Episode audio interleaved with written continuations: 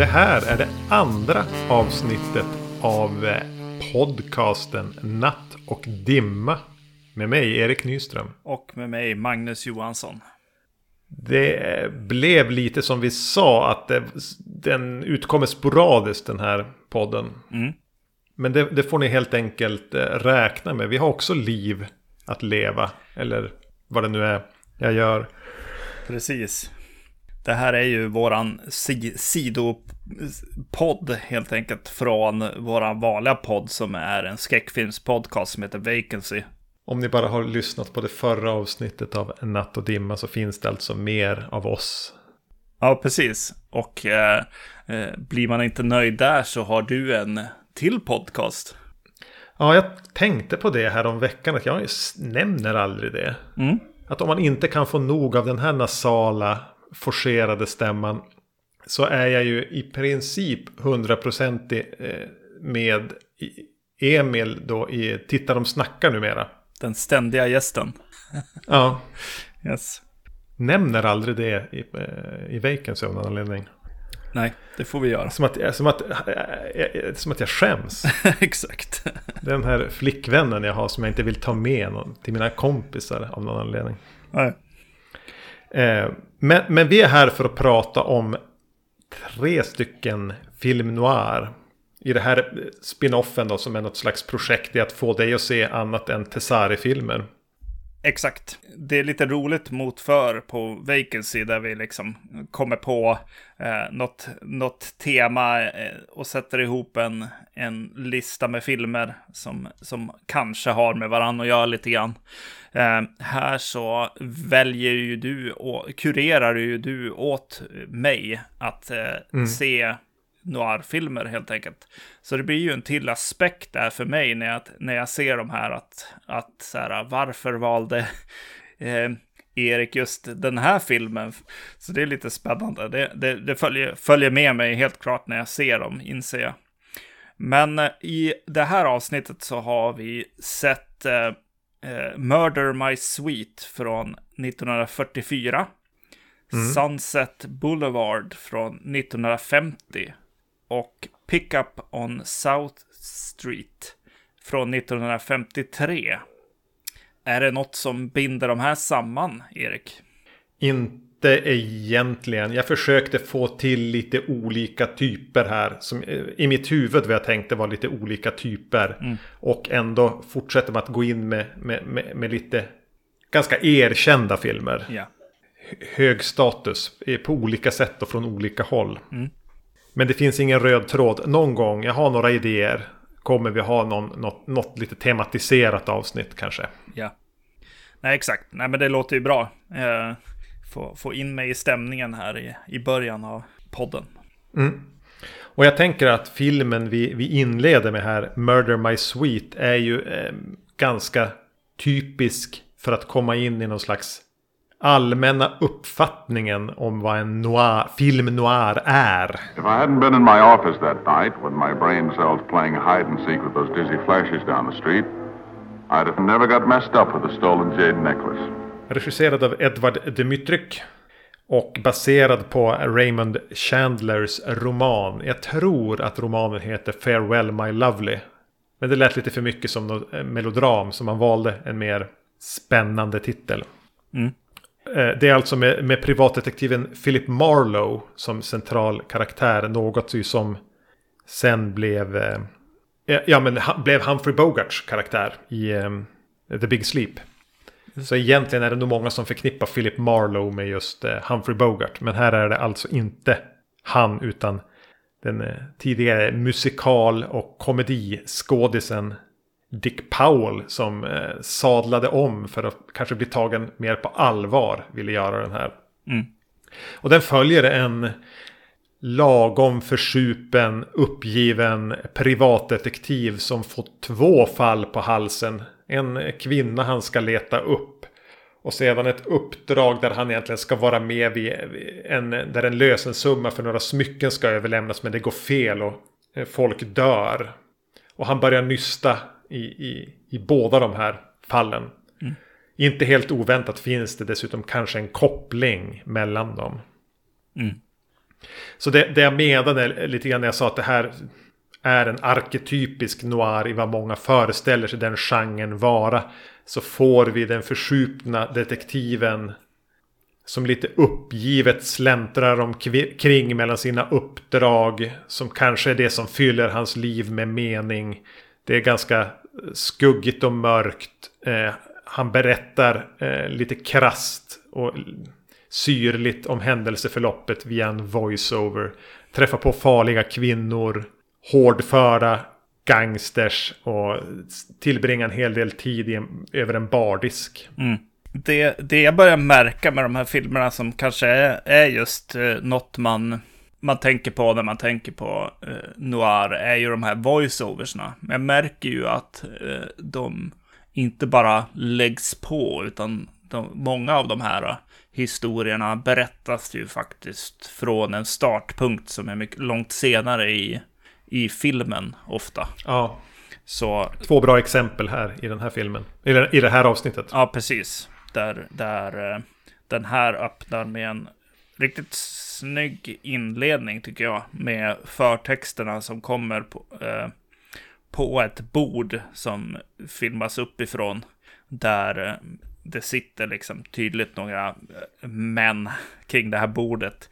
Och eh, man börjar till slut inse att det är ju eh, någon som är på förhör hos polisen typ. Ja. Han har bandage över ögonen. Det är lite intresseväckande den här inledningen va? Ja, precis, exakt. Det är, det är en bra, bra öppning. Eh, bra, både visuellt och eh, Eh, den skapar ju definitivt intresse. Vad är det som har hänt helt enkelt? Mm. Och så återberättar ju han filmen därifrån. Mm. Och jag tror till och med han, han, han slänger in en sån här liten... Ja, nu får ni ursäkta om jag inte citerar er ordagrant. För ni är ju faktiskt med i det jag ska berätta nu. Men det får ni ta. ja, den börjar ju också med så här, ja men jag är en privat eh, detektiv liksom. Han, han söker efter någon frus man där, men ja, det är väl inte så mycket pengar eller liksom intresse kanske, eller vad man ska säga, prestige i, i det. Så att han, han bestämmer sig för att gå grouse hunting. Vilket jag, jag tyckte var kul. ja. Sätt att säga att han skulle ta sig en, en whisky. Och, och sen a, a soft shoulder. Mm. Leta, vill han, när, när han har grouse huntat. så kom, vill han ofta ha en soft shoulder. Mm. Då ringer han sin soft shoulder. Som hade en date. Men jag skulle nog kunna övertala henne att eh, dumpa den dejten. Mm. Um, och här berättas ju allting med den här voiceovern. Ja. Uh, och den är så viktig här. Mm. Uh, det, här det här är ju inte en voiceover som du, som du sa. Här, berätt, uh, här får den ju sin förklaring att, att filmen återberättas. Mm. Men, men den är ju grundläggande egentligen för ja, men stämningen i filmen. För humorn och syrligheten kommer ju från hans ganska så här, välsvarvade repliker i voiceovern. Mm. Eh, som är så här, ja, men snudd på parodiskt och nästan medvetet så här hårdkokta. Det finns en glimt där hela tiden. Ja, precis. Det är väl någon, ja som du sa, någon slags deckare liksom. Som det är baserat på med, med någon karaktär verkligen så här. Eh, så jag gissar att man, man kör ganska hårt på det som en Bond-film skulle göra liksom. Ja. Eh, till exempel. Att det blir, blir en, det blir lite eh, comic book eller så av det. Hårdkokt. Men, men vad tycker du om den här Dick Powell då? Som då här en bytte genre helt från att ha, ha varit en skönsjungande crooner och eh, ko, komisk lättsam skådis till att vara den här försupne detektiven. Det kan gå igenom som en resa ändå i filmen och, och gör liksom två versioner nästan av karaktären. Det känns som det börjar lite mer lättsamt eh, och glimten i ögat på något sätt. Sen finns det ett, liksom kommer det till ett visst allvar när han får lite skäggstubb och sådär. eh, så eh, jag har ju inte sett honom i någonting, tror jag då i alla fall. Eh, Nej, inte jag heller. Så jag vet ju inte. Men eh, han påminner om Robert Blake i In Cold Blood. Mm. Eh, tycker jag. Men det är nog väldigt mycket visuellt. Mm. Men jag, tycker, jag, jag, tycker han fungerar bra i, i, i för vad den här... Eh, hans karaktär är väl kanske lite platt. Men, men eh, det gör ingenting. Det blir lite... Han är tillräckligt charmig och till, alltså, ha, vet hur man sticker ut ur duken så att säga. Mm. Ja, jag håller med. Jag, jag gillar honom också. Han är behaglig och för, Du brukar ofta använda dig av det här begreppet. Han är som en programledare för filmen. Mm. Eh, och här är det ju verkligen en, en, en, bra programledare för den här filmen. Ja. Han råkar ut för...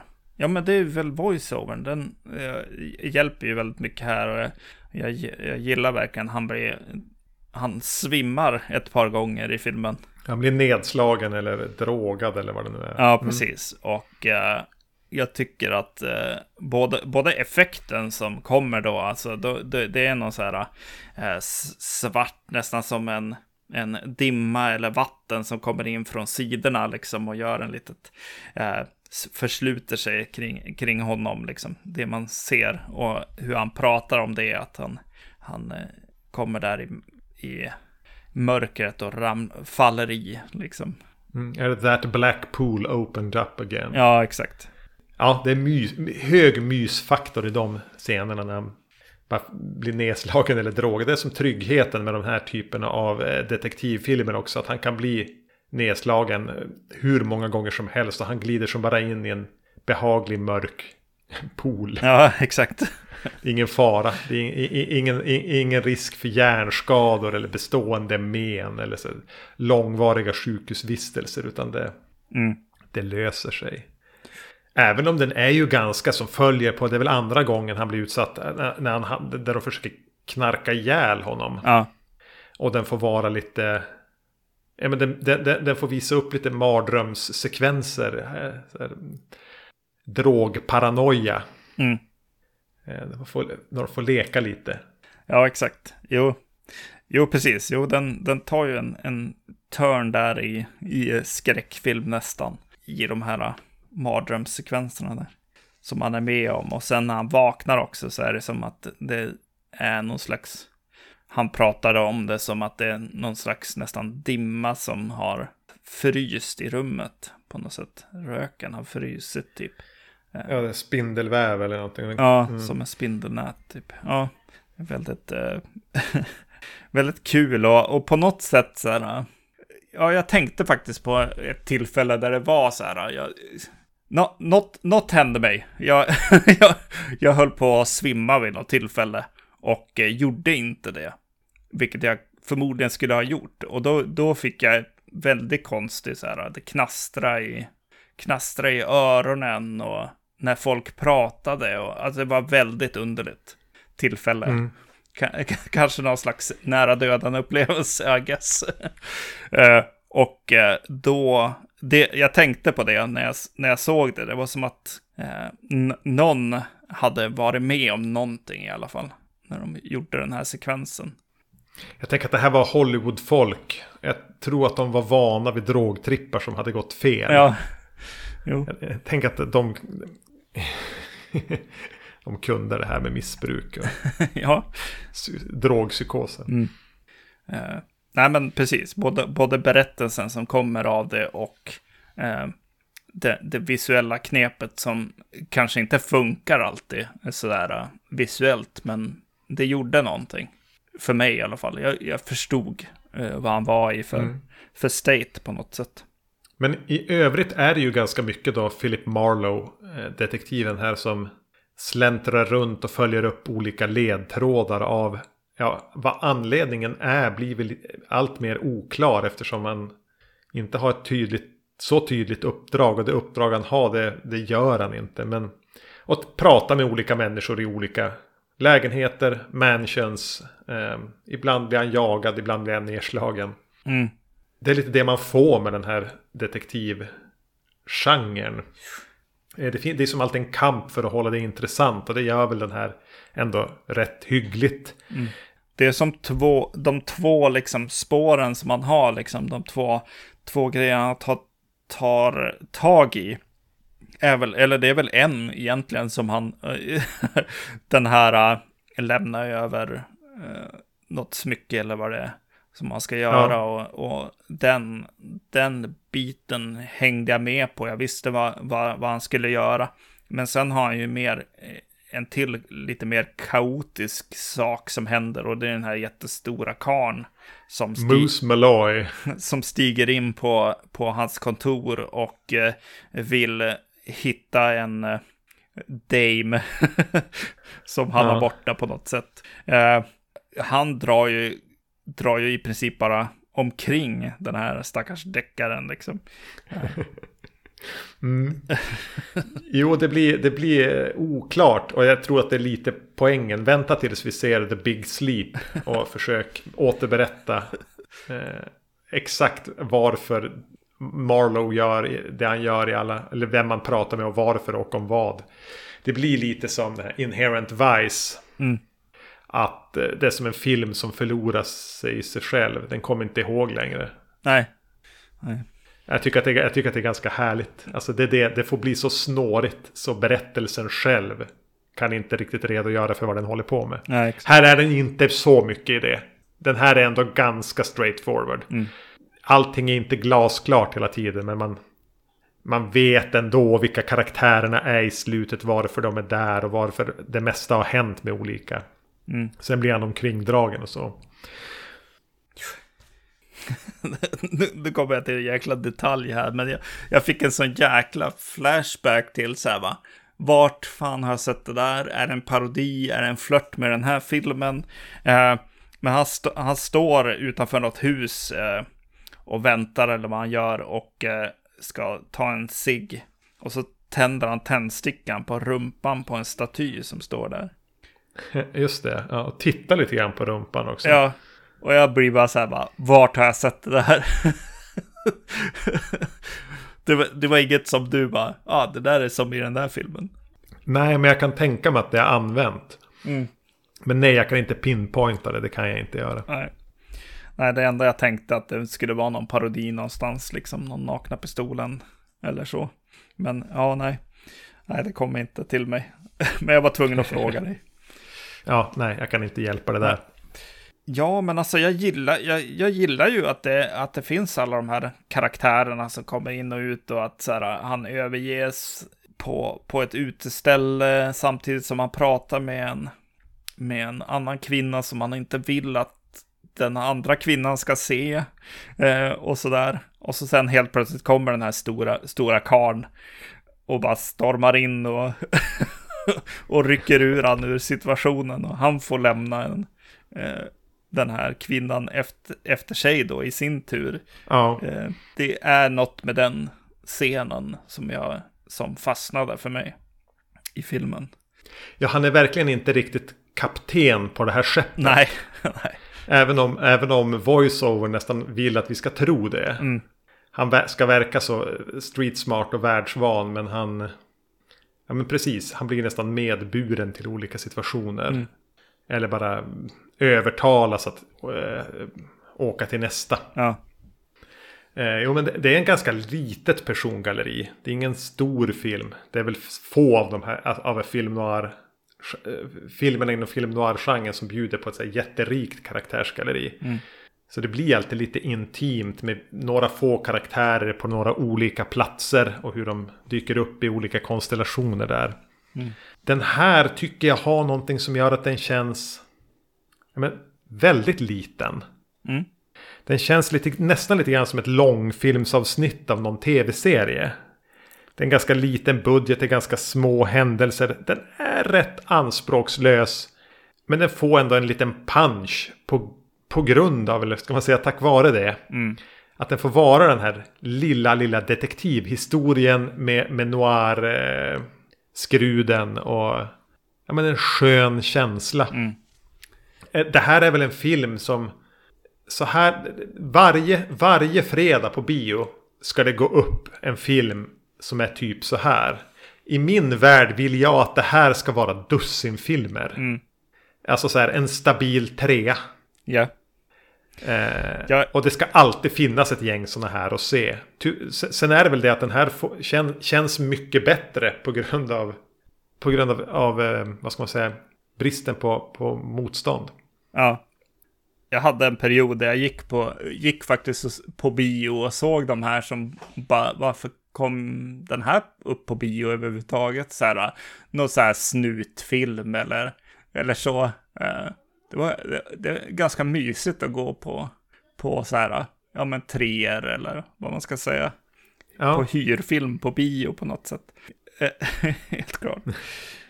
Eh, men jag tänkte faktiskt lite grann på så här, ja vad är det som, som gör att den här, för jag, för jag tar för givet att det finns en hel bunt sådana här filmer. Vad är det som liksom står ut eh, mer än? Och jag, eh, jag tänker lite grann att den har ju ett, ett avslut där, där allting liksom byggs ihop. Det kanske är att den är lite eh, enkel och, och så. Eh, samtidigt som det blir lite grötigt så här. Och så sen samlar de, samlar de ihop det lite grann på slutet. Eh, där mm den blir lite så här småfarlig på något sätt. Och det blir också ett, eh, ett liksom, en, en stor scen på något sätt. Där i slutet mm. som, som eh, kan, som man kan gå ut från den här eh, fiktiva biosalongen och eh, minnas. I ett strandhus också. Eh, precis. Då vet, då vet, man att jag är där, då är jag med. Yes.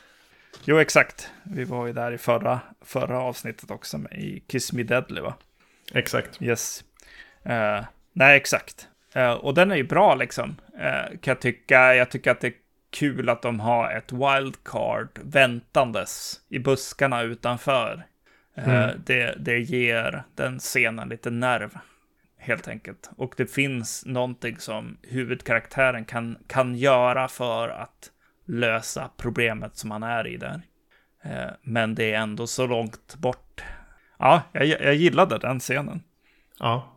Nej men det, är en, det här är en rätt schysst film. Mm. Eh, den är så på behörigt avstånd, för mig i alla fall, från att vara något mästerverk eller någon, någon, någon stor eh, omvälvande film. Men jag kommer att se den, jag tror det är tredje gången jag ser den. Jag kommer att se den fler gånger. Mm. Just för att den är en sån behaglig titt. Ja. Och den är så här mysmörk. Ja, precis. Utan, utan att det blir, behöver bli speciellt jobbigt. Mm. Eller att den är, eh, ja men, kräv, den kräver inte så mycket. Nej, exakt. Men den levererar ändå de här noir, spela noir-noterna. Mm. Jo, exakt. Och har en liksom en... Jag tror att, ja det är egentligen två filmer, det är inte, inte nästa, men, men Pickup on South, South Street har också det här med en, en McGuffin. Ett, ett objekt som är ganska ointressant egentligen för, för filmen, som ändå driver den väldigt eh, mycket. Med de här ja. Jade-halsbandet som, som jagas i den här filmen. Mm. Mm. En, en, liten slutnot då.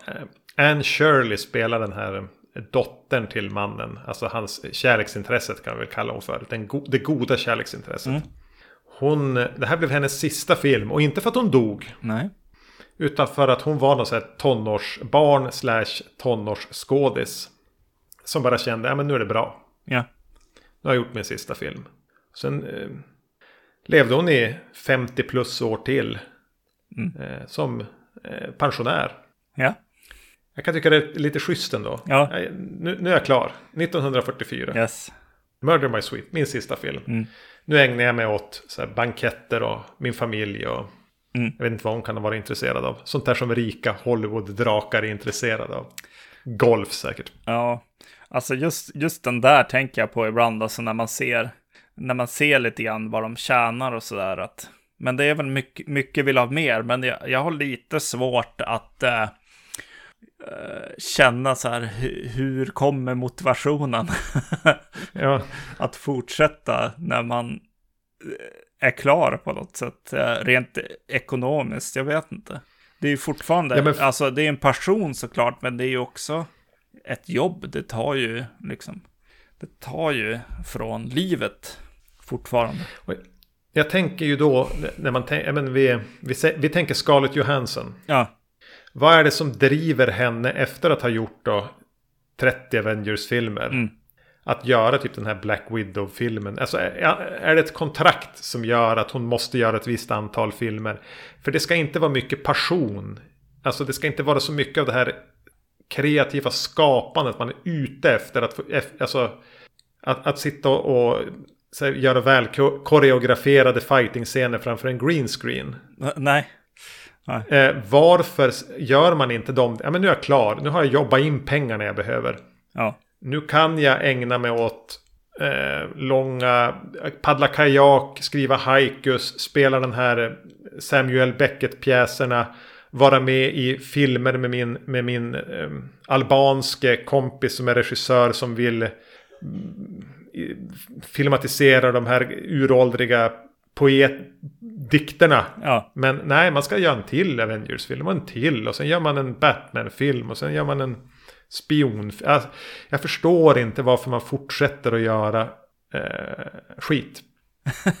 när man, när man har, bevisligen har pengarna på banken. Så mycket mer, alltså en till Avengers-lön. Vad ska hon göra med den? Ja, precis. Men, men, ja, det, är väl, det är väl därför jag sitter här och gnäller. Mm.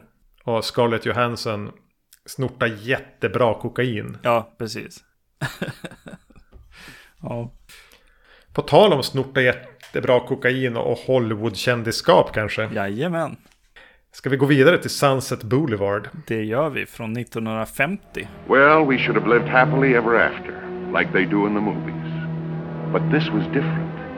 Because this is a Hollywood story about the people who make the movies. The little ones that you never hear of, like Betty and me. The great ones, like Cecil B. DeMille. All those who knew Norma Desmond. A strange woman who left her mark on all of us who crossed her path. Här har jag väl eventuellt tänjt lite på begreppet film noir skulle en del vilja säga. Ja. Det kanske inte är en klockren sådan men jag tycker definitivt att den passar in utifrån tematik och eh, mörka undertoner. Det finns ingen detektiv här. Det finns ingen, eh, inte det här klassiska eh, thriller-elementet egentligen. Utan det här är ju ett mörkt drama. Mm. Sen råkar det även vara en av David Lynchs favoritfilmer. Mm. Håller på och läser en, en Lynch-biografi. Så jag är väldigt inne i den världen just nu. Ja. Eh, det här är väl en, en superklassiker. En, en riktig jävla... Ja, tidlös. Hade du sett den tidigare? Nej, den här hade jag inte sett. Och, eh, men jag har, har en eh, kompis som eh, när, när, eh, när jag sa att vi höll på med noir-filmer ja, så skrek han att vi behövde göra Billy Wilder-filmer, eh, regissören här. Eh, och eh, hyllade honom väldigt mycket. Eh, det var verkligen så här, ja det, det är väl han, han och Alfred Hitchcock liksom, eh, som är de stora filmskaparna. Ja men det finns helt klart poänger i det. Särskilt om man tänker på så här classic Hollywood-eran. Mm. Uh, är det lite märkligt att Billy Wilder inte är ett namn som nästan alla känner till på samma sätt som Hitchcock. Mm. För hans filmografi är helt sanslös. I, eh, men, under 40 och 50-talet så är det så här, men Sunset Boulevard, eh, Some Like It Hot, The Apartment, Double Indemnity, eh, Lost Weekend. Alltså det är bara, han gjorde bara bra filmer. Mm. Eh, Double Indemnity är ju någonting vi kommer att återkomma till här på, på den eh, Natt och dimma. Helt klart. Mm. Det är ju en, en, en, också en så superklassiker inom noir-genren. Men det måste ha varit någonting med att han var, jag vet inte, vet inte fan vad det var. Att han inte blev den här auteur-regissören. Ja, precis. Uh, uh, med, uh, för att referera tillbaks till min kompis och hans, hans så lite övergripande tankar kring, kring skillnaden på något sätt. Och jag vet inte om det finns ett svar där överhuvudtaget, men han sa liksom att Hitchcock är ju, eh, eh, har ju med det tekniska mycket att göra och liksom film, filmskapandet ja. så. Eh, och han tyckte nog att jämförelsen där kanske att Billy Wilder jobbade väldigt mycket innan filmen gjordes också. Alltså att det är mycket manus som sticker ut. Och det kanske är svårare, jag vet inte. Ja, han känns underskattad på något vis ändå. Eh, utifrån vad han har på resumén. Mm. Och, och, han är ju väldigt uppskattad. Det är ju inte så att han är någon bortglömd stackare. Nej, exakt. Oh, nej. Ja. Men Sunset Boulevard handlar om en eh, manusförfattare då i Hollywood. Lite på dekis, svårt att få jobb. Som av en riktig jävla slump hamnar hemma hos en eh, bortglömd Hollywood-drake. Eh, som tappat sin status i takt med ljudfilmens in, inträde. Hon drömmer om en comeback och sitter med en hopplös röra till manus som ska bli hennes upprättelse. Han går något motvilligt med på att eh, hjälpa henne organisera det där. Kanske både motvilligt och eh, med en baktanke. Men ganska snabbt snärjs han in i, i, i den här eh, mörkret som, som lever i, i, i hennes stora Hollywood mansion. Mm. Mannen spelas av William Holden, Hollywood-draken av eh, Gloria Swanson. Som ju egentligen spelar sig själv. I, i, i nämnvärda biroller har vi en del regissörer. Då butlern här spelas av Erik von Stroheim och eh, Cecil B. DeMille spelar sig själv. Mm. Så det här är ju en film i Hollywood om bland annat Hollywood. Sådana här filmer man ska göra om man vill kamma hem allt på Oscarsgalan. ja, verkligen. Ja, ja eh, jag, jag har slutat på, på våran annan pod, podcast på Vacancy och pratas för mycket om eh, förtexterna som jag, som jag tydligen blir, blir frälst vid ofta. Eh, och eh, här måste jag igen bara säga att det är jäkligt snyggt alltså. Ja, Eh, gud förbannat. Eh, det, det börjar med, med eh, Sunset Boulevard då, skrivet på trottoaren. Sen så åker kameran iväg längs, längs gatan och texterna dyker upp där då i perspektiv längs vägen. My, mycket snyggt. Ja, det... Mm.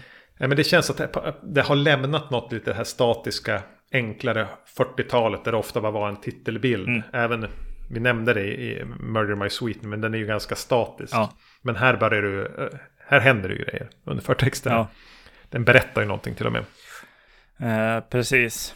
Den här är, är ju också berättad lite i, eh, inte lika tydligt kanske i, eh, med berättarrösten då i att titta tillbaks på, på händelser. Eh, men jag, med min vetskap att, att det kanske kommer vara ganska bra manus här nu då, eh, tänkte jag, när min kompis Martin hade, hade nämnt det.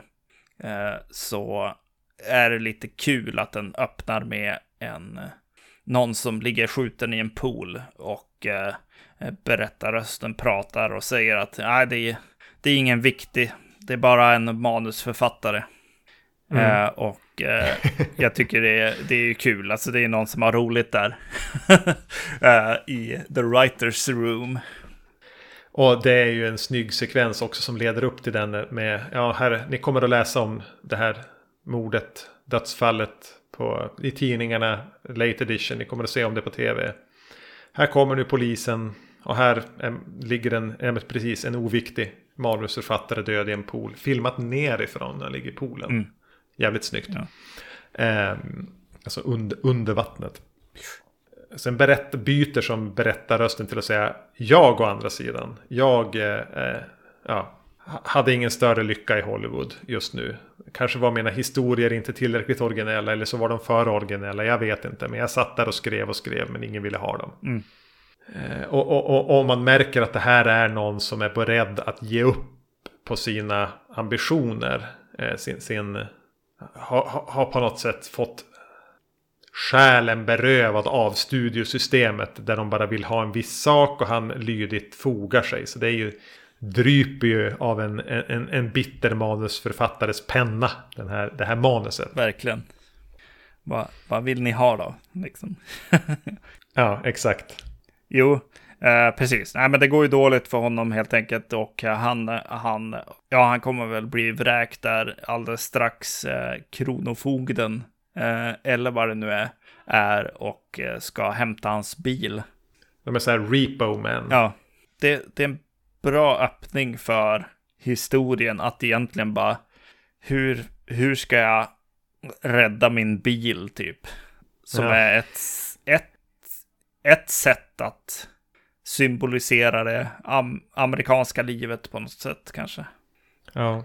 Eh, och eh, ja, han börjar väl inse själv till slut när han har, har varit och krälat i några kontor där på Paramount att nej, nej, jag kanske måste resa tillbaks hem. Glömma min, min Hollywood-dröm. Komma krypande tillbaka till Iowa, eller vad det är han pratar Mm. Alltså det är snyggt, alltså det, det handlar ju verkligen om, om Hollywood-drömmen här på något sätt. Dra med, med alla, jag, jag kan verkligen förstå. om jag skulle sitta och jobba i, i Hollywood så skulle jag bara älska det här nu. Eh, redan Mm. här. Jo, men alltså, eh, jag tycker, för, för mig finns det ju flera nivåer på filmen, absolut. Mm. Men det finns ju den här att, ja men, girigheten, viljan att lyckas, att få sitt namn på duken, jakten på den personliga bekräftelsen, Mm. kommer i vägen för, ja men, den konstnärliga integriteten, kreativiteten, skaparglädjen. Alltså att det blir som ett gift som korrumperar.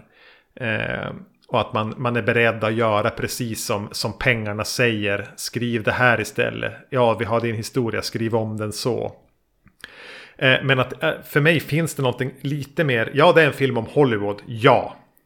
Men jag tycker den är mer allmängiltig än så. Jag tycker det här går över, överföra på livet i stort, på relationer i stort. Ja, På, I mångt och mycket, vad man är beredd att ge upp.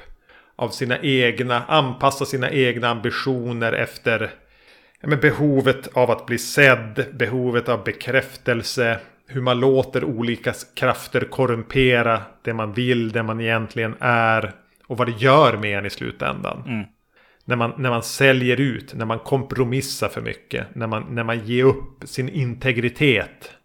Eh, vad leder det till? Och, och, och, och jag tycker att, att den, den bakom den här berättelsen om, om en, en, en manusförfattare i Hollywood finns det mycket, mycket mer. ja.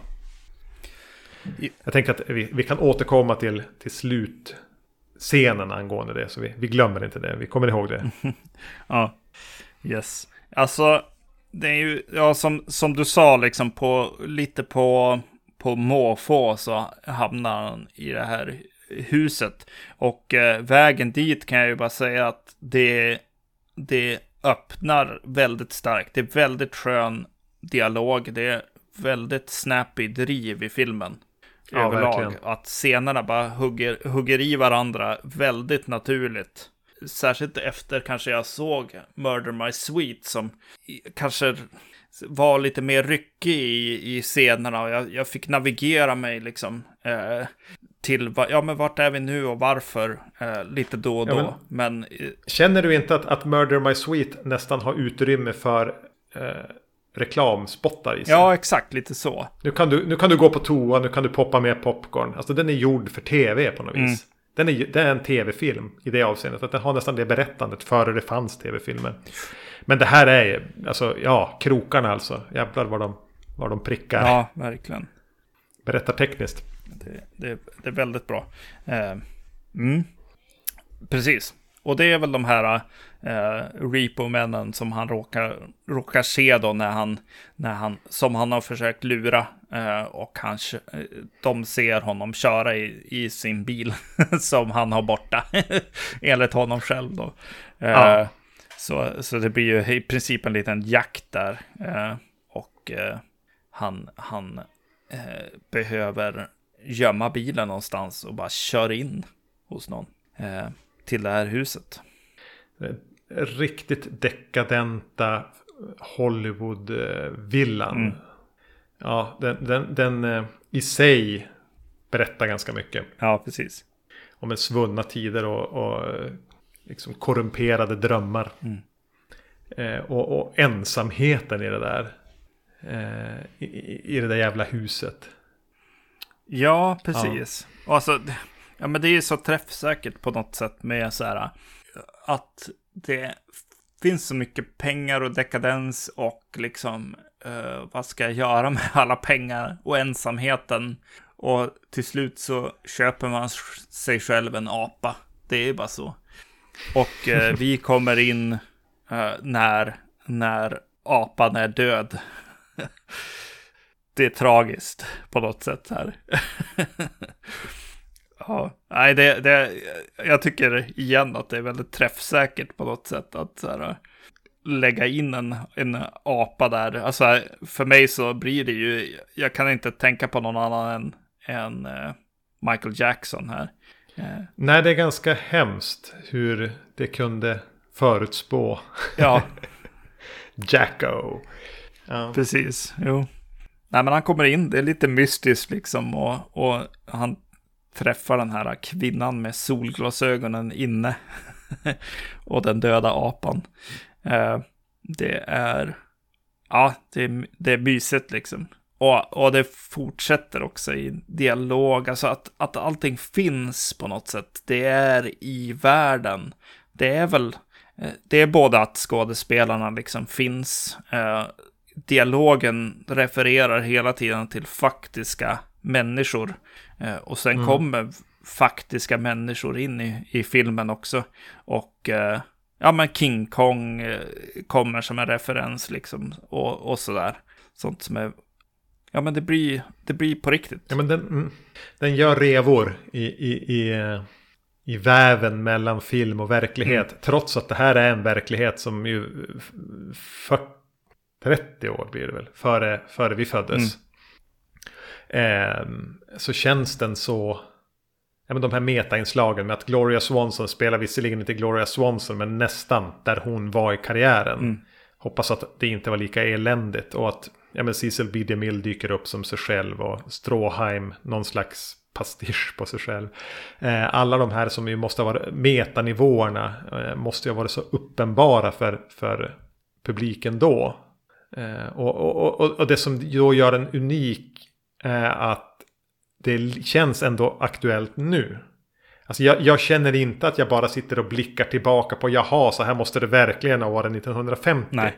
Utan det finns en slags generaliserbarhet i, och, i det. Och det är det jag tänker att den inte bara pratar om Hollywood. Utan att den pratar om något mer allmänmänskligt. Gör att jag kan likväl se det nu. Man kunde se det med Michael Jackson eller äh, andra äh, alldeles för rika och för kufiga människor. Där no stjärnglansen började falna eller de började vackla. Mm.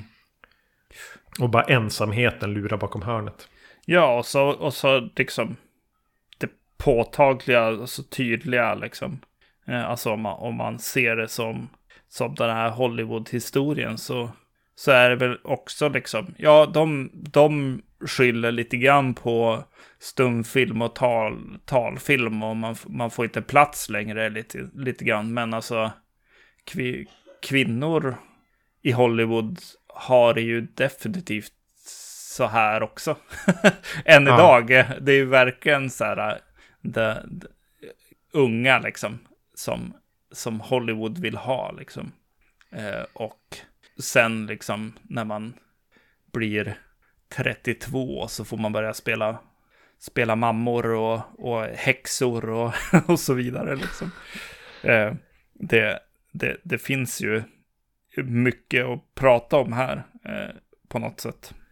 Annars får du bara ta dina pengar, krypa in i, din, i ditt slott som en, som en gammal drake. Ja. Och, och eh, sukta efter den berömmelsen som du har blivit, och uppmärksamheten som du har blivit beroende av. Mm. Som en, som en ja, men, det går att göra vilka paralleller som helst som greve Dracula eller någonting. Mm. Eh, jag tycker ändå att eh, skådisarna är diskreta. Eh, och det här känner jag att han måste vidareutveckla. För William Holden är ganska enkel och låg, nedtonad i sin eh, i huvudrollen och det ska han vara. Mm.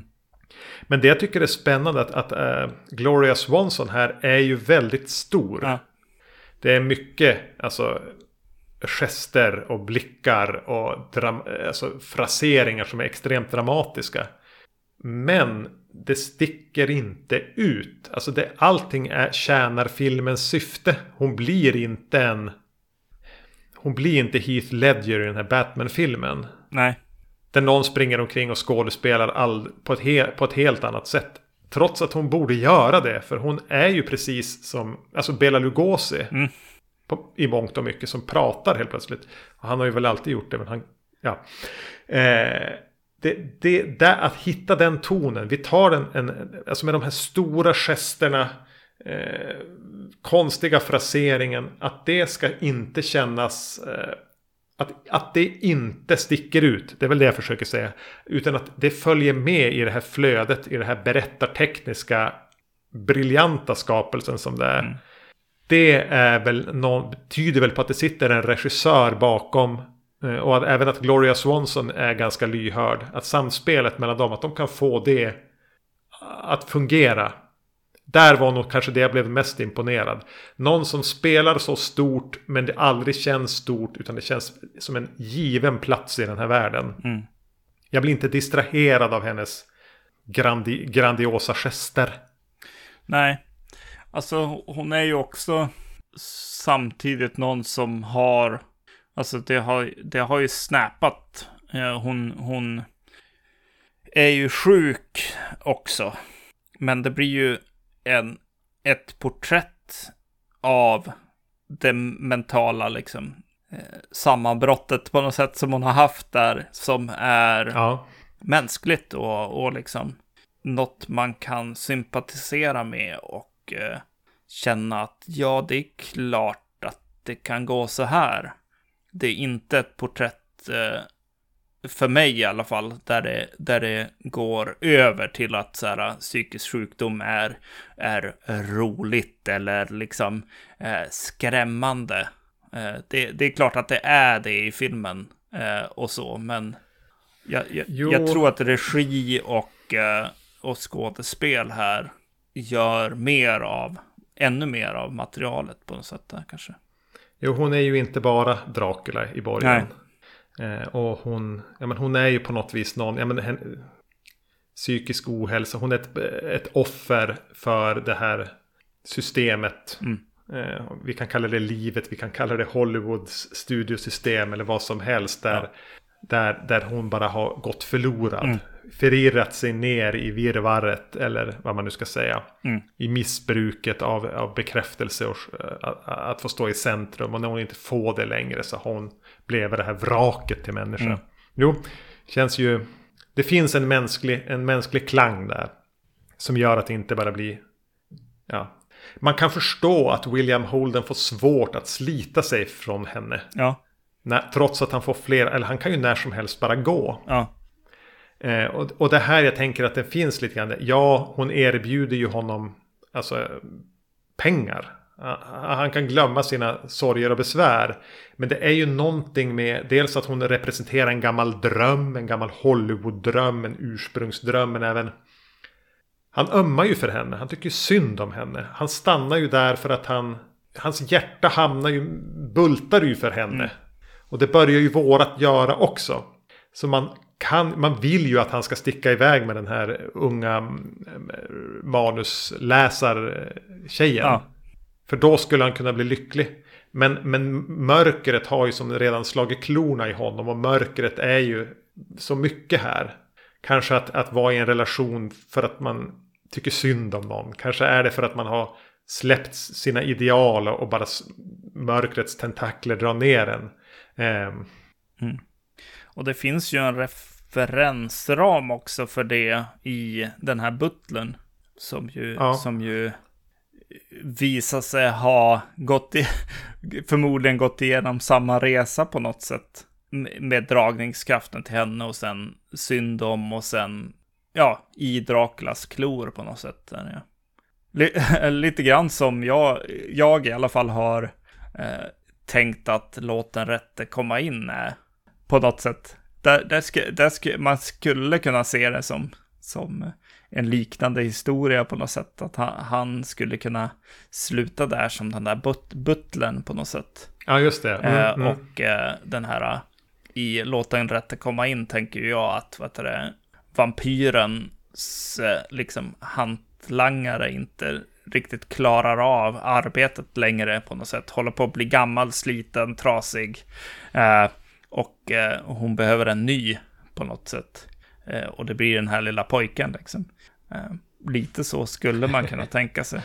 Ja, och, och precis som, som eh, Norma Desmond här. Inte gå in i när hon träffar på den här i att jag behöver mer blod. Nej. hon, hon, hon, tror ju faktiskt att hon ska kunna göra comeback med hjälp av den här. Hon blir ju även förälskad i honom och det är nog genuint. Ja. På samma sätt om vi nu fortsätter den här jävligt oväntade kopplingen till Låt den rätte komma ja. in. Så, så när, när den här vampyrflickan i den lär känna den här pojken så tänker ju hon inte Åh, här har jag hittat min nya hjälpred. Utan åh, en kompis. Mm. Någon som är mer, lite som jag. Vi, vi, vi, vi, vi klickar på många sätt. Mm. Vad fint. Eh, att, äh, det där allmän, allmänmänskliga. Mm. Alltså, ja.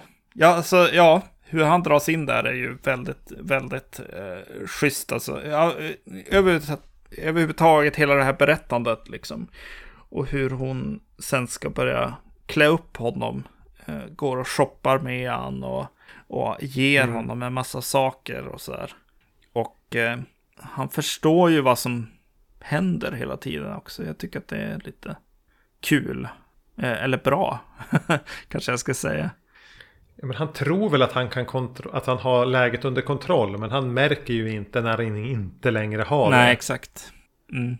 Och det är väl det där.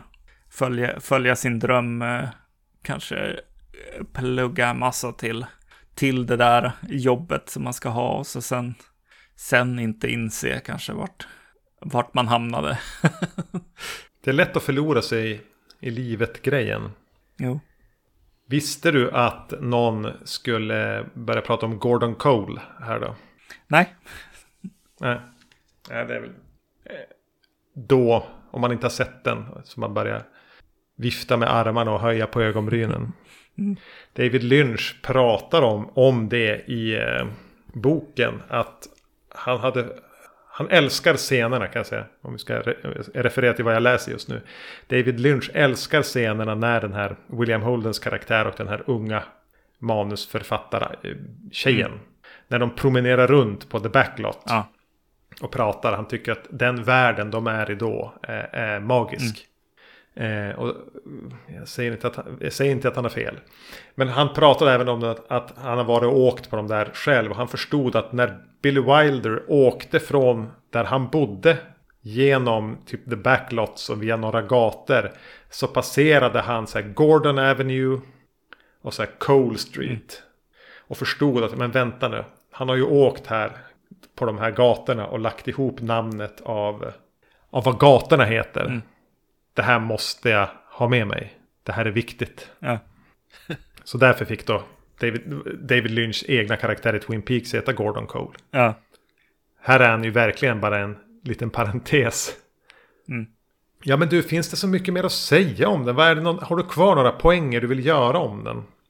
Ja, ja, ja, jag vet inte om jag vill säga allt för mycket egentligen. Alltså, jag, jag, alltså den, den tog ju med mig hela vägen. My, mycket bra berättande alltså, som pågår här och mycket bra eh, tänkvärda saker. Och jag stormgillade ju att det var riktiga människor på något sätt. Att liksom när hon tar, tar med sig sina stumfilms liksom kompisar bjuder in och ja, jag är ju inte så, så beläst, men Buster Keaton kände jag ju igen liksom.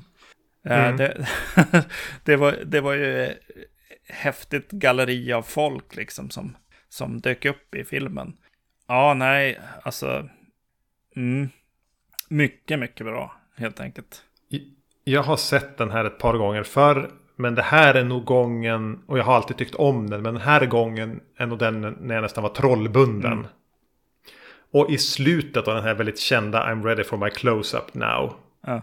Och så gör hon den här dramatiska, alltså titta in i kameran och gör sina gester och kommer mot kameran. Mm. Man har fått klart för sig vad hon representerar och, och har blivit. Mm. Att jag väntar mig nästan att hon ska som Sadako. Bara komma ut genom tvn mot mig. Fortsätta. Mm. Och, och, och dränka mina drömmar. Få mig att ge upp på min integri integritet och bara släppa allt vad jag vill och mina drömmar. Och, ja, det, det, det blev starkt i slutet. Eh, även om det kan, ibland, är man i fel läge så kan det nog tyckas som en, kan, det säkert kännas lite lökigt. Mm. Men nu kändes det som Bob när han kommer över soffan där i, i Twin Peaks. Ja. Jo, det är bra. Inte, alltså. Ja, precis. Jo, men det är väl när det, när det börjar liksom närma sig verkligheten på något sätt. Och när det inte är svartvitt heller, utan det är mer snarare liksom nära sånt som man kan tänka på själv. Eh, så blir det liksom eh, mer kraftfullt helt klart och mer tragiskt ja. på något sätt allting, allting som händer. Det jag pratar om med, med psykisk sjukdom och, och liksom hur man blir behandlad och hur man kommer till den punkten på något sätt. Eh, det finns ju eh, det, ofta i, i, i de här true crime-poddarna och sånt som jag, som jag har blivit en av dem som, som eh, fastnat för. Eh, så blir mm. det ju liksom, de som mördar har väldigt jobbiga eh, barn, jobbig barndom och sådär ofta. Och eh, ja. blir, blir eh, våldet de har blivit liksom utsatta för. Men ofta blir det liksom, ja, fast då är det ju också du. När du, när du blir vuxen, det är ditt ansvar att inte att jobba emot det här helt enkelt och försöka lösa det här. Men i vissa fall så går det ju till den grad där det allting bara, bara ändå slutar med att vilken tragisk historia för alla inblandade eh, på något sätt. Och det är väl lite där den här slutar i alla fall. Det är ingen, inget, inget som, som slutar i liksom, ja fast du är ett monster ändå på något sätt. Ja, nej det finns bara förlorare. Det finns inga skurkar nej. på något vis. Jo. Eh, jo, den... Eh, jag, jag sa att Murder My Sweet är en ganska liten, som en liten tv-film, som en liten tv-deckare med, med, med, med, med schysst garnering. Mm. Så har ju den här, spänner ju bågen på ett annat sätt. Jo, precis. Jo, verkligen. Det här är ju en större film på må i många avseenden. Ja. Jo, men precis. Och Paramount öppnar upp portarna och vill berätta den här historien. Och, eh, och låter den göra så. och så, ja, det, det, är något, något speciellt med det också. Eh, mm. Särskilt med tanke på vad jag, vad jag tänker är ett ganska ingrott liksom, studiesystem där, där folk ägs av studiosar och så vidare. Liksom. Att det blir ganska... Ja, det blir, det blir ju... Jag tänker att den, den är ganska våghalsig film. Ja. Mm. Och som sagt var, den handlar inte bara om Hollywood. Nej. Nej, nej, nej. Precis. Det, det är väl där eh, skillnaden kanske är, där man ibland kan rulla på ögonen och sucka, sucka åt akademin. Eh, så här La La Land-grejer. Ja, exakt. Att så här bara, jo, jo, den här filmen är ju skitbra för er, men jag känner inte det ni känner. Precis. Med, men med den här filmen så, så blir den ju allmän. Eh, I alla fall för mig då, kanske jag ska säga. Eh, det finns. Ja, för mig ja. med. Mm. Men, men då, då, går vi ner till det lite, lite, lite mindre igen. From the bright lights of Broadway through the subway undergrounds to the gutters of South Street, they followed this woman. The B-girl who became a sitting duck to track down her man with a caress, a kiss, and a promise. As the whole underworld joins in a scorching counterblast against the spy menace in Pickup on South Street. Pickup on South Street. Det är en liten tungvrickare att säga South, South Street. Street. Jo, eh, lite jobbig. Eh, 1953 är den gjord. Regi Sam Fuller. Eh, en ficktjuv på tunnelbanan råkar få med sig mer än vad han hade räknat med. Och blir jagad av eh, kommunistiska spioner och underrättelsetjänsten. Mm. Sam Fuller är ju en sån här liten unsung hero. I större utsträckning än Billy Wilder. Nu säger jag inte att han är en, en, en större regissör. Men definitivt en som fick mindre. Har fått mindre cred. Eh, som jobbade ofta i det lilla.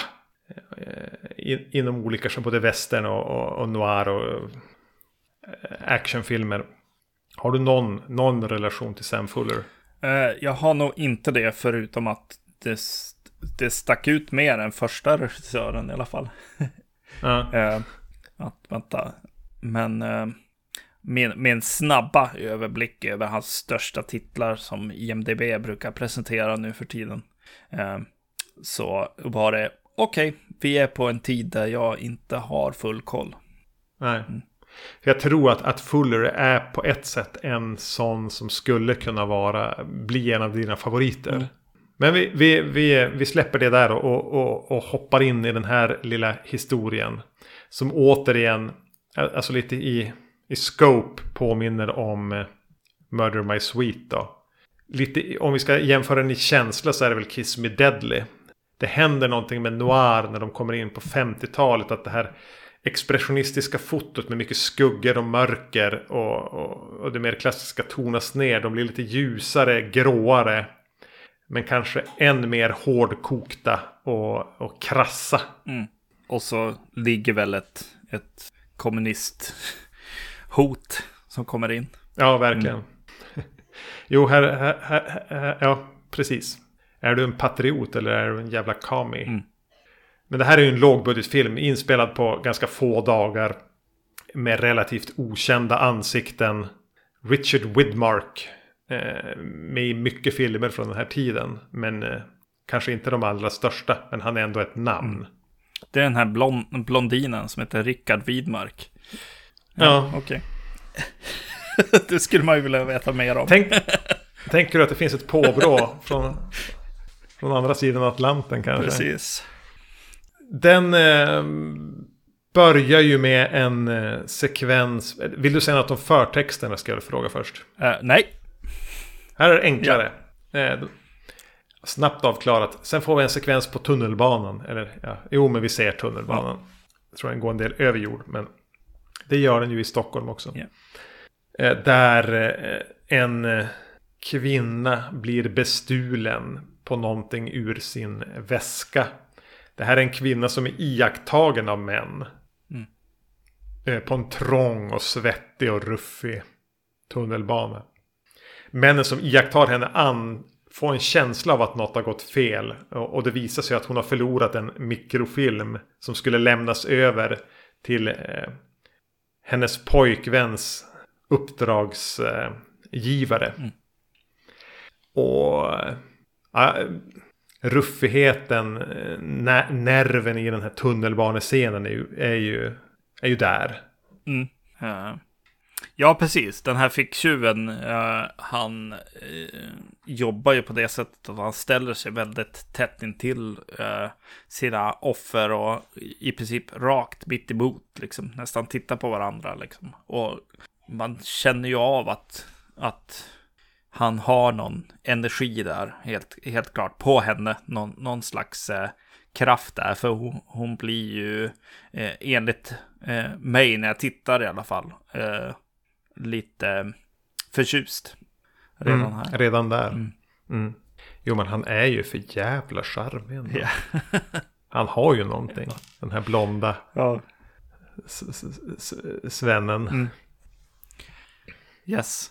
Eh, alltså, det, det, är ganska få notes på den här filmen och det, det, det, finns ju anledningar till det såklart. För att den, är, den här är jätteliten eh, och eh, det är också eh, egentligen bara jakten på den här McGuffinen som är den här mikrofilmen.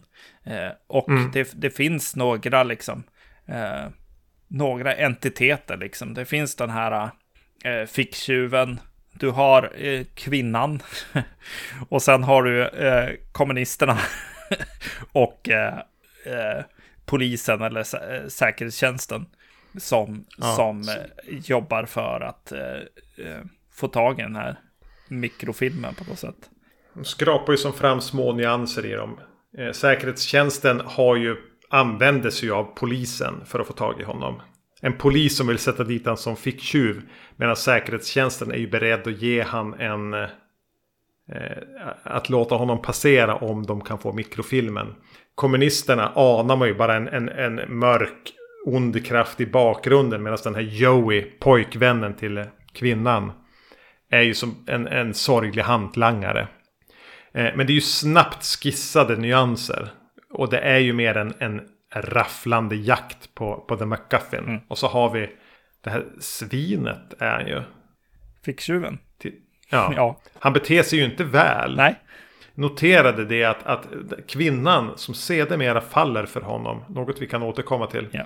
Det första han gör är att eh, tömma hennes portmonnä och försätta henne i en jävla sits. Mm. Det andra han gör är att slå henne medvetslös. Ja. Det tredje han gör är att väcka henne genom att hälla öl på henne. Ja. Det är klart att hon ska falla för honom. Ja, exakt. Nej, fy fan. Uh, jag, jag, jag, jag, glömde en entitet, men vi kan komma till det. Och det är den här Mo, en, en till ja. karaktär uh, som kommer in i, i handlingen. Men uh, låt oss backa tillbaka till dit du är lite grann. Ja, alltså det är ju en svår, svår film. Alltså det är ju, det är ju, det är svårt att greppa henne eh, och försöka se henne som en person och en människa och en, ett porträtt av någon som, som finns. Eh, ja. Utan det här är ju en, alltså om hon inte hela tiden går omkring och, och är oärlig, eh, så hon kan ju vara någon slags fem fatal, liksom variant såklart. Men det här är ju, det här är ju eh, gubbfantasier. Känns det som. Ja, hon är, den, den hon presenteras som är ju typ ett offer. Hon är ju i princip prostituerad. Ja. Hon har gått mellan en, en rad olika losers. Mm. Och nu hamnar hon då i armarna på någon som stjäl, slår ner och väcker henne med öl i ansiktet. Mm. Och är allt annat än, än speciellt trevlig. Nej, hon blir ju illa behandlad och hon faller pladask för honom. Och det där har jag svårt att liksom komma överens med. Mm. Ska man bara se det som ännu en i raden av alla hennes dåliga beslut i livet. Så hade jag nog behövt ha lite mer av henne. Ja, exakt. Ja, ja, ja, precis. För jag kom på att jo, men det är, det är klart att det händer ju människor. Liksom. Det är klart att, att det finns. Men då vill vi ju prata om det på något sätt. Eh, då vill vi ha mer, ja. jag satt och funderade, för det, det är som att kameran, Richard Widmark här, fångar den fantastiska närbilder på. Mm. Men när den ska fånga henne så är det som att hon blir suddig hela tiden. Och jag vet inte om det är någon sån här glossy vaselin på linsen grej. Eller om de bara slarvar i närbilderna på henne. Men utgåvan jag tittade på. Mm. Eller så var jag dragen eller någonting när jag såg den. Men jag upplevde att hon aldrig riktigt blev skarp. Mm. Att kameran hade svårt att få fokus på henne. Mm. Vilket fick mig att tänka, men är det det den vill säga? Vi har svårt att få tag i den här kvinnan. Ja. Ja. Eh, det tror jag inte. Jag tror att de ville hålla henne lite mystisk och lite fager i, i, i diset eller någonting. Mm. Eller så hade de bara bråttom med hennes närbilder. Att hon hade svårt att stå still eller någonting. Eh, men, men, men den biten blir lite svår att komma runt här. Ja. Jo, exakt. För hon får så jävla lite kärlek av någon. Alltså inte ens av filmen. Nej, precis. Vem, vem, vem har hjärtat här? Eh, på något sätt. Och eh, filmen vill att, han, att det ska vara ficktjuven tycker jag. Att så här, ja men han är ju snäll ändå. Man, ja men, nej, det går inte. Nej, alltså han glimrar till bitvis mot andra halvan av filmen. Ja, exakt. Eh, och så ska man känna att, ja men det var lugnt. Eh, med all den här förnedringen. Mm. Ja, nej, eh, det är svårt. Det är väl kanske då Mo som får det då, som är en kvinna som säljer slipsar på, på gatan och har kanske en butik också. Eh, som håll, ha, har koll på eh, alla ficktjuvar i stan. Så hon säljer mm. information till, till eh, polisen och all, Okej, okay, kanske inte polisen, men den undre världen eh, vet, känns, känns som de vet vad hon gör, men respekterar det ändå. Eh, och ja. hon, hon, hon blir någon slags, eh, ja, karaktär som alla, alla gillar på något sätt. Ändå. Hon är ju som det känslomässiga centrat i den här filmen. Ja. Hon står för... Men trots att hon är beredd att sälja ut alla sina vänner. Så har hon en... Det är någonting med henne. Som gör att alla ändå accepterar och respekterar henne. Eh, spelad av Thelma Ritter. Mm. Som ju eh, för mig i alla fall är eh, James Stewarts eh, sjuksköterska i Rear Window. Hon som kommer dit och masserar honom. Just det. Hon är ju skitbra. Ja. Och det kommer en lång scen när, när den här kommunistsvinet Joey dyker upp där. Mm. Hemma hos henne. Hon slår på en, en skiva och hon är bara trött då. Och han eh, ska sopa igen spåren egentligen. Få reda på en adress och sopa igen spåren. Mm. Eh, som är ganska lång. Och hon bara förklarar hur trött hon är. Mm. Och hur det inte blev som hon tänkte ändå. Trots allt. Ja, ja. Som är ju väldigt, väldigt sorglig Ja. i sig. Och jag tror, jag tror att syftet med henne i den här filmen är liksom att hennes... Alltså hj- hjärtat hon ska representera, det är meningen att, att det ska få sippra in då i, i de andra karaktärerna som kommer i kontakt med henne. Ja. Och, och egentligen så bygger väl det då mycket på Thelma Ritters skådespel. Som ska få ge patos till de andra karaktärerna. Att de ska få en känslomässig koppling. För jag har inga problem med filmer när, när, när alla är svin. Självcentrerade svin. Nej. Men den här håller ju inte den tonen rakt igenom. Den blir lite osäker där kanske. Vill den ha ett budskap eller vill den följa den känslomässiga kompassen? Eller vill den bara visa världen för hur den är? Mm. Eller kan vara. Man, man, man vädrar ju lite studiokompromisser och liknande där. Ja, alltså det finns väl ett, ett problem till här kanske för att, för att, för att verkligen få den här ficktjuven att, att eh, funka och vända och, och eh, vi gillar honom på, sl på slutet. Det är väl att så här, de, de rampar upp eh, eh de här kommunisthotet också och eh, det, det det är väl kanske lite så här en skamfläck lite grann på Hollywood. Eh, Ja, ja, särskilt här med, med, med, med, med McCarthyism och svartlistningen och, och allt det där. ja, exakt. Så, så om... Ja, så som publik eh, 2021 så kanske det blir, blir svårare att så här, eh, hålla med. Och kanske då i Sverige där vi, där vi ändå har någon slags socialistisk liksom eh, start på landet. Eller vad man ska säga.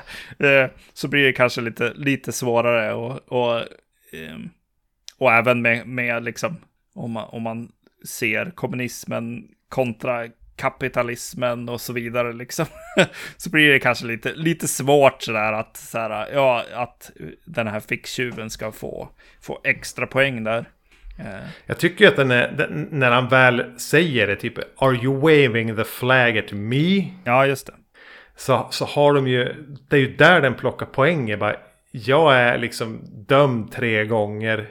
Jag bor i ett jävla båthus. Ja. Jag, eh, ni vet hur jag försörjer mig. Och ni försöker Ja, exakt. Jo, det är sant. hävda att vadå, ska jag vara stolt över det här? Ja.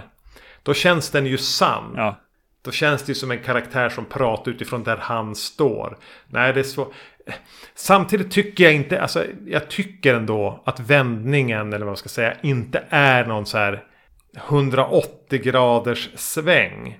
Ja, för mig finns den ändå där den här ambivalensen att bara, jo men det här är bara ett gupp i vägen. Både för, för ficktjuven och för den här kvinnan. Mm. Tre veckor senare så var han... Så var, så var han ännu en av de här dåliga männen hon hade, hade träffat och kysst. jo. Och, och, och hade gått vidare till någon, någon annan. Och han var kvar i båthuset och hade ölen på kylning i vattnet. Och eh, kunde lyckas med sina stölder om man bara var fokuserad. Mm. Att, att för mig finns den ändå där den ambivalensen. Jag upplever inte att den, är så entonig. Men det kan bara vara jag som vill det också. Ja, men hans färd är ju dit, till, till tunnelbanan med att eh, och stå, stå och, tjuva en till grej liksom. Så, Ja, så, så är det ju liksom. Eh, för att också, ja men allt, allt pekar ju ditåt på något sätt. Eh, Mm. Särskilt, eller de säger det i början och det är väl på ett sätt sant i slutet också. Att det är my- mycket så här, ja, komma ut ur fängelset, direkt börja ficktjuva, alltså hamna där igen liksom. Eh, mm. Men rent tekniskt så är, är det ju, jag tycker Fuller här är på tå. Mm. Dels tycker jag han har fingertoppskänsla i casting av, eh, ja men bara castingen. Mm. Men även i, i det här lite ruffiga, snabba, eh, lågbud, alltså B-filmsberättandet. Den här filmen är snabbt gjord, han vet var kameran ska stå. Och han kan fota action på ett sätt som jag tycker ofta i, i äldre filmer kan bli för så här Hitchcockiskt, metodiskt, sönderklippt och utstuderat. Mm. Så rör han på ka- kameran ganska mycket, låter den gå. Och det blir en jävla eh, obehaglig energi i det. Det är ju en scen här som jag tycker sticker ut, fortfarande sticker ut när, när, när eh, den här kvinnan blir misshandlad i ett rum av eh, sin eh, före detta pojkvän. Mm. Och jag hinner tänka bara, men vad, det där är ingen stuntman eller stuntkvinna. Nej. Hon blir inkastad i grejer och, och kastas, få, få ett par slag och i slutändan avlossats ett skott. Och hela den iscensättningen är, är jävligt rå. Ja. Och även jakten sen ner i tunnelbanan sen och misshandeln där. Eh, Mm. är ju också, har ju en råhet och en, en här, eh, enkelhet i sig som är eh, som inte känns, vad sa du det var för år på den? Var det 52, 53? 53 ja. Ja. Eh, som jag tycker står upp bra även idag. Och det är där jag känner att vi har någon som vet vad han gör bakom kameran här. Mm. Någon som kan regissera och iscensätta action eh, med nästan ingen, med, med en liten budget och ett ganska rigidt studiosystem. Hur ska man navigera under det? För att få, få iscensätta de här våldsamma scenerna. Mm. Som, som jag tycker fortfarande levererar ett, ett jävla slag i magen. Just det, han försöker fly där i, i den här uh, transporthissen eller vad, de, vad det heter. Ja, just det. Ner där. Eh, och när han gör sitt eh, utfall där.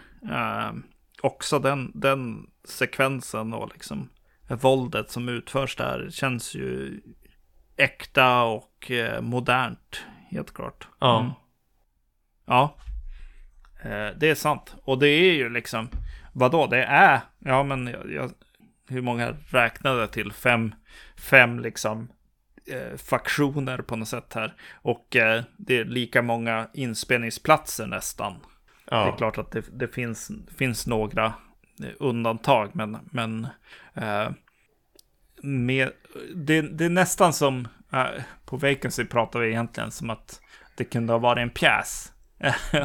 Ibland. Ja. Och, och eh, den här känns, känns som en filmad pjäs på det sättet också. Att den, den, är, den är otroligt liten på något sätt och effektiv. Och eh, ja, det effektiva i att ha så få, få platser är ju att du hänger ju med. Du vet ju vart du är någonstans. Du är på, på stationen eller du är på, på den här, eh, det här båthuset.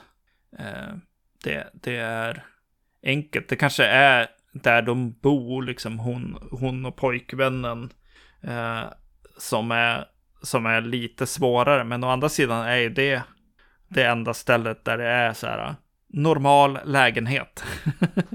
så att, eh, ja. ja. Mm. Nej, den är effektiv och eh, öppnar ju starkt också. Alltså med, med just den här fick, ficktjuvscenen. Eh, också. Och kanske just hennes, så här, jo men som du sa, svettig eh, tunnelbana också gör ju att det finns något, något gr- grit i den. Och så sen att hon nästan är, blir liksom lite upp, upphetsad av situationen. Eh, Av närheten till den här ja, mannen. gör ju att, att den står ut på något sätt. Skapar en, en nerv som den, som den sen verkligen tar tag i på något sätt. Och, och man, man blir nästan eh, sur på filmen. Eh, Mm. hur, hur gritty den, den blir. Mm. Jo, den har ju som sagt var en, en, en ruffighet som man inte riktigt är van vid i den här skruden. Eller ja, det, det, det finns, eh, vi kommer säkert att komma dit också i, i, i, i fram, kommande avsnitt. Men eh, ja, jag gillar litenheten, jag gillar ruffigheten, jag gillar energin som finns i en del av actionsekvenserna som faktiskt fortfarande känns. Mm. Sen har den ju, och jag gillar även Richard Widmark. Eh, Och jag tycker att han fungerar när han är en skitstövel. Ja, Eh, Jag är inte riktigt beredd att köpa att han ska börja vackla, vackla i sina skitstövlar. Ja. Och, och jag har jättesvårt att köpa att hon ska falla så pladask för honom. Mm. Jo, att hon kan försvara han i vått, och torrt på något sätt. Eh, Ja. Man vet inte riktigt hur fan det hände. Vart, vart hände det? Missade han? Nej. Nej men exakt. Ja, är det så att hon då är van att bli behandlad som skit av alla män. Ja, Ja men då hade jag behövt få lite mer av det. Mm. Nu måste jag bara anta. Eh, För, för att få filmen att gå ihop. Och jag gillar inte riktigt det. Jag hade behövt ha lite mer. Eh, ge mig en minut till. ja precis. Fuller. Det blev, blev lite så här. Ja, till slut satt jag lite grann och, och hoppades på att hon hade spelat alla liksom. Och åker iväg i solnedgången på något sätt. Eh, nästan. Ja hon blir ju en extremt miss, eländig karaktär i slutändan. Eh, Även om hon kanske får ett lyckligt slut. Om vi väljer, om vi verkligen, verkligen väljer att tro på det. Men jag har svårt. Jag har väldigt svårt. Jo, men det, det, det, det är väl det. Liksom, det är lite pojk, pojkdrömsfilm på något sätt. Eller, eller gubbdröm kanske. Eh, till film på något sätt. Och jag vet, jag är, jag är, jag är ett svin, men om, om jag fick skriva mitt, mitt liv så skulle det bli bra ändå. Jag skulle vara en snäll på. Eh, en Jag är good både guy. en skitstövel ja, och en good guy. Jag kan vara så den coola skitstövel som inte bryr sig om någonting och slå ner ö- kvinnor och häller öl på dem. Ja. Man ska väl säga att han slår ner henne för att hon bryter sig in i hans bostad. Till hans försvar, om det nu är ett försvar. Ja. Ehm, och han häller ju öl för att hon vägrar vakna när han, när han petar på henne med foten. Jo, Ehm, det är rätt nonchalant. Men yes. Mm. Eh, ja, Men jag blev ganska peppad på att bo, sova i en sån här hängmatta i ett båtskjul och ha mina öl på kylning i havet. Jo, men precis. Jo, men det är kanske det, det jag menar att så här. Jo, det är ju en, en fantasi. Det, det låter jävligt härligt. Eh, Ja. Och de som har den, den eller de som har skrivit den här har, har mer fantasier än så. Som är kanske lite mörkare. Ja du. Ja. Ska vi säga att, det var, att, att vi är klara där? Ja, exakt. Eh, det kan vi göra. Jag, jag är ju... Eh, jag är väldigt eh, glad att vi fortfarande att vi, vi hoppar in och, och tittar in i noir-filmerna. För det här är ju jättemysigt att se på. Och sen, sen fick jag ju se Sunset Boulevard som ju är en klassiker och med, Halv-noir får man väl säga. ja, och med all, all rätt. Eh, definitivt. Eh, Jo, det var en takeaway för mig. Det är att det här är en film jag borde börja se regelbundet. Mm. jo, ja, Kanske säga peak classic Hollywood. precis. Och det är kul i kontrast, alltså. Eh, Sunset Boulevard och eh, Murder My Sweet är, är eh, roliga filmer, eh, båda två på olika sätt. Och Murder My Sweet är det på ett rufft och eh, lite o... Eh, alltså, den håller inte din hand på samma sätt. Eh, Nej. eh, utan du... Den går iväg till baren för att ta en till Rye Whiskey då och då. Precis, jo, det, var, det var faktiskt den, den av de filmerna som jag såg nu, Murder My Sweet, där, där, där jag bara, nej jag måste gå och hälla upp en whisky, det går inte. De drack liksom i varenda scen. Men du är inte helt överens med Pickup on South Street. nej, det är jag inte. Eh, Men, men jag, jag tycker att du pinpointar ju, alltså just den här action-grejen. Och så finns det ju någonting i Richard eh, Widmark här. Alltså det finns ju något i att man, man vill titta på han och, och som du säger, han blir fotad därefter också. Han, Ja. han är ju, han är ju tuff när han eh, drar upp sina öl och alltså det finns, finns en, en fantasi där helt klart. Eh, som sen tas. Efter den här Steve McQueen-grejen. Ja. En, en, en ruffigare Steve McQueen. Ja. Eh, vi kommer ju att återvända till Sam Fuller. Eh, och han har gjort en så här, eh, noir några år senare i färg. Mm. Som heter House of Bamboo. Som jag blev så jävla knockad av när jag såg. Så den, någon gång. Någon gång. Ja. Fuller har gjort de här filmerna, små filmerna som har passerat eh, under radarn. Men som... Ja, jag tänker det. Skulle du, skulle du samla på dig lite Fuller-filmer. Börja se dem som, nu återkommer vi dit, Tessari som du, Ja. jag vet att du gillar. Så, så skulle du kunna återvända till, till Pickup. ja.